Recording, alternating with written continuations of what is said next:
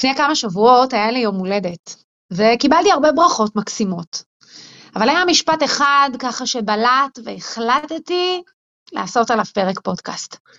המשפט הזה שבלט היה דווקא ממישהי שאני מאוד מאוד מעריכה, והיא אמרה לי, אחרי רצף הברכות, שהיא מאחלת לי שרמות הסרוטונין שלי יהיו יציבות וללא עליות וירידות תלולות מדי. מה? אמרתי לה. לא הבנתי. איך הברכה היפה שנתת לי נהפכה לעצה על תזונה? שאלתי. ואז התחילה אחת השיחות המעניינות ביותר שקיימתי לאחרונה, וזו שיחה על היכולת להחזיק אנרגיה גבוהה לאורך זמן, ללא קשר לתוצאות. עכשיו, למה אני מספרת לכם את זה? תקופה הזו שאנחנו מקליטים את הפודקאסט הזה, אפריל 2023, תקופה מאוד מאוד מאתגרת למתווכים. שוק הנדל"ן, יש האומרים קפוא, ויש האומרים חווה טלטלה. ומאוד מאוד קשה להחזיק אנרגיה גבוהה. עכשיו, גם בזמן רגיל, המעברים אה, למתווכים, מה שנקרא, המעברים בין הצלחה לכישלון, הם מטאורים. כי רגע אחד אתם כמתווכים סוגרים עסקה כפולה, אולי ב-100 אלף שקל, או אולי עסקה גדולה ויפה שעשיתם, ורגע אחרי זה מנתקים לכם את הטלפון בפנים, או מבריזים לכם מפגישה שקבעתם. ולכן אתם כל הזמן צריכים להחזיק אנרגיה. עכשיו, התקופה הזו המאתגרת, שאנחנו חווים לא ולא ולא, ואולי אני לא אקנה עכשיו, ואולי אני יורד ממכירה, ואולי עכשיו זה לא הזמן, בסוף אנחנו נדרשים להחזיק את האנרגיה הזו בשביל לייצר תוצאות, אנחנו נדרשים להחזיק את האנרגיה הגבוהה הזו כל הזמן. אז היא העבירה את זה אליי, ואני מעבירה את זה אלינו, לפה, לשיחה. למה? כי כל העליות והנפילות התלולות האלה, שבעצם כשפתחתי את הפודקאסט אמרתי שקיבלתי איחול על רמת הסרוטונין שלי. בפועל סרוטונין הוא הורמון שעוזר לנו להחזיק את, ה... להחזיק את המצב רוח שלנו ללא עליות וירידות תלולות מדי, כן? אבל כאן אני מתייחסת לזה, כי כל העליות והנפילות התלולות האלה שאנחנו חווים, מטלטלות את הנפש, ומייצרות מעברים קיצוניים במצב הרוח. ומי שמצליח להתמודד עם הנפילות והעליות המטורפות האלה, הם בדרך כלל מתווכים שפיתחו חוסן מנטלי ועמידות לזה. וסביר להניח שהם כבר נמצאים הרבה זמן בתחום. ואיך הם פיתחו את העמידות הזו? הם פשוט נתקלו בזה כל כך הרבה זמן, שהחוסן הגיע תוך כדי. אבל אתם שמקשיבים לפודקאסט ואולי חושבים, רגע, אין לי, אין לי את החסינות הזאת. והרבה פעמים כשדברים לא הולכים כמו שאני רוצה, נופלת לי האנרגיה. וגם אם סגרתי עסקה, אם למחרת אני לא מצליח לגייס נכס, יש לי שוב נפילת מתח. אז uh, פודקאסט כמו פודקאסט, אנחנו רוצים להיות uh, פרקטיים כמה שניתן. אז בואו נראה, ננסה להבין.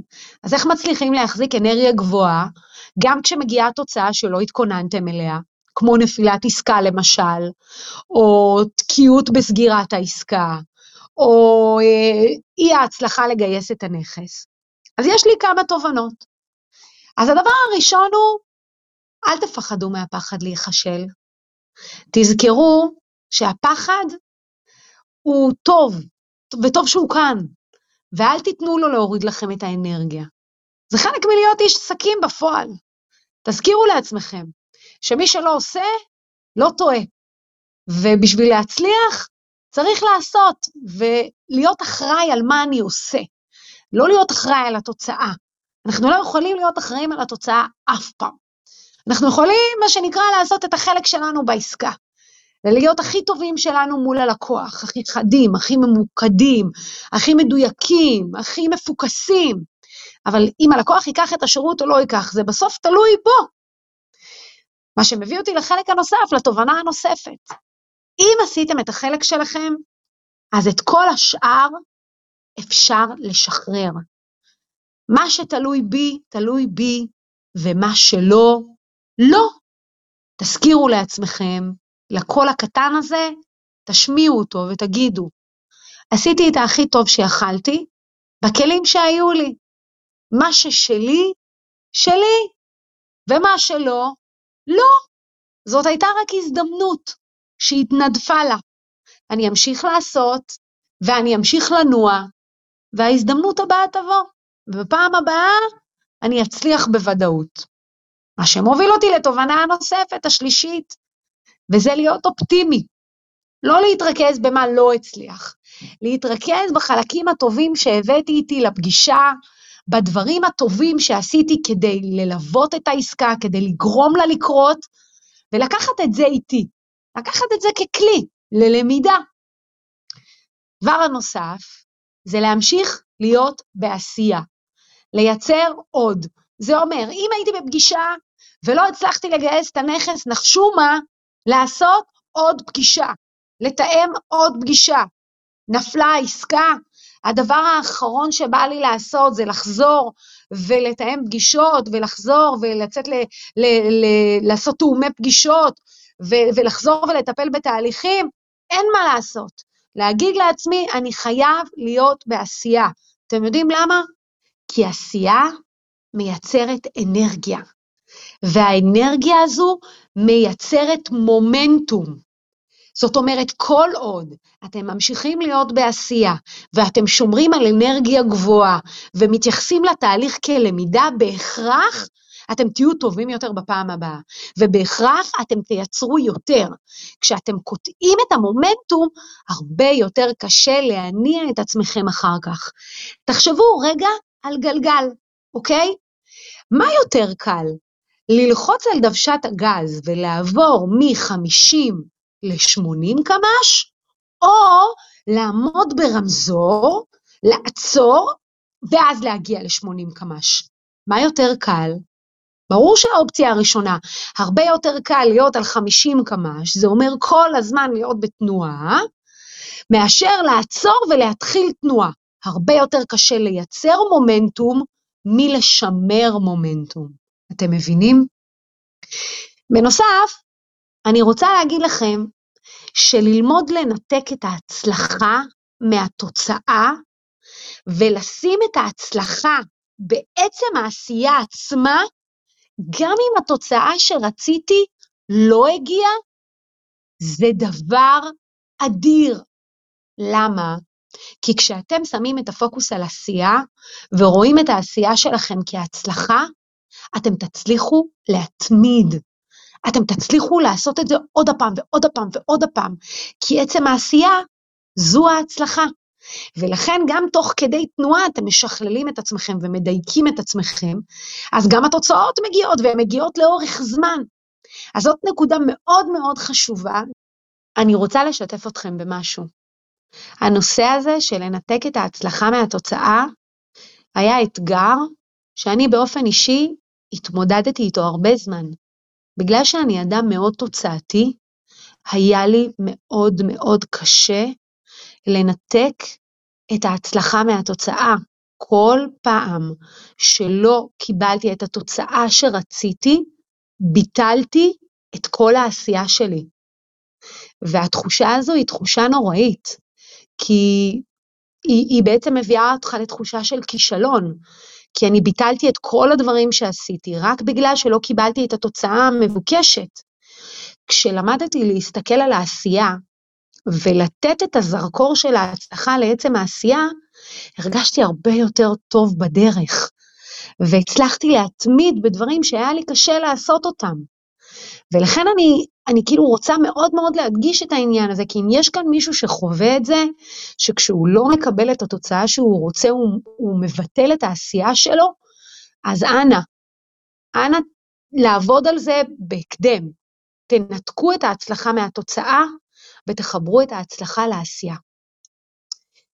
תובנה נוספת, אחרונה, היא להבין שנפילות המתח האלה מגיעות מתסכול. עכשיו, מה זה בעצם תסכול?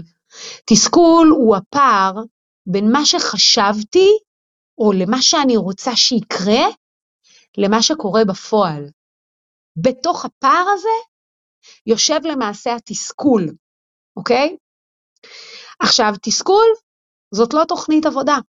אתם יכולים להיות מתוסכלים ולמצוא את עצמכם מאבדים הרבה מאוד זמן כתוצאה מנפילת המתח הזו. כבעלי עסקים, אנחנו לא נמדדים בזמנים שהולך לנו. אנחנו נמדדים דווקא ברגעים האלה של נפילות המתח, דווקא שקשה לנו ואנחנו מתוסכלים. ככל שתשכילו להתאושש מרגעי התסכול יותר מהר, ככה תחזרו לעשייה ותייצרו תוצאות יותר טובות. כי בפועל אין עשייה בלי תסכול, אי אפשר לגדול בלי לחוות קצת כאב בדרך, זה חלק מהדרך. אבל אתם זוכרים שהתסכול הוא לא תוכנית עבודה, ואתם זוכרים שהתסכול הזה מציין איזשהו פער בין מה שאתם חושבים למה שקורה בפועל. ואם אתם שנייה תעצרו, וללא שיפוטיות, תסתכלו על עצמכם, על מה שעשיתם, על מה כן טוב שעשיתם בתהליך, ואיפה אתם כן לומדים מתוך הנפילת מתח הזו ומתוך הכישלון הזה שאתם חווים, אתם תראו שהתסכול שלכם מצטמצם, ואתם יכולים לחזור לעשייה יותר מהר. בסוף, בפועל, אדם מצליח הוא אדם שמצליח לקפוץ מסיטואציה מורכבת אחת, יש משפט כזה אפילו מפורסם, היכולת לקפוץ מכישלון אחד לכישלון אחר ולשמור על אופטימיות בדרך. זה איזשהו ציטוט מפורסם, וואלה, לא זוכרת מי אמר את זה, זה פשוט קפץ לי בראש, אבל זה כל כך כל כך מדויק. ולסיום, כוכבית קטנה. בטח שמתם לב שאנחנו עושים הרבה פרקים שקשורים לחוסן מנטלי. אני רוצה להגיד לכם למה. בכל העשר שנים ש... שאני מלווה מתווכים ומשרדים, אני שמה לב שעסק התיווך הוא לא עסק מורכב. הקושי הכי משמעותי בהצלחה של מתווך היא היכולת שלו לשמור על חוסן מנטלי. לא סתם בקרוב אני משיקה תהליך אימוני, דיגיטלי, בשביל לעזור לכולכם לשמור על החוסן המנטלי.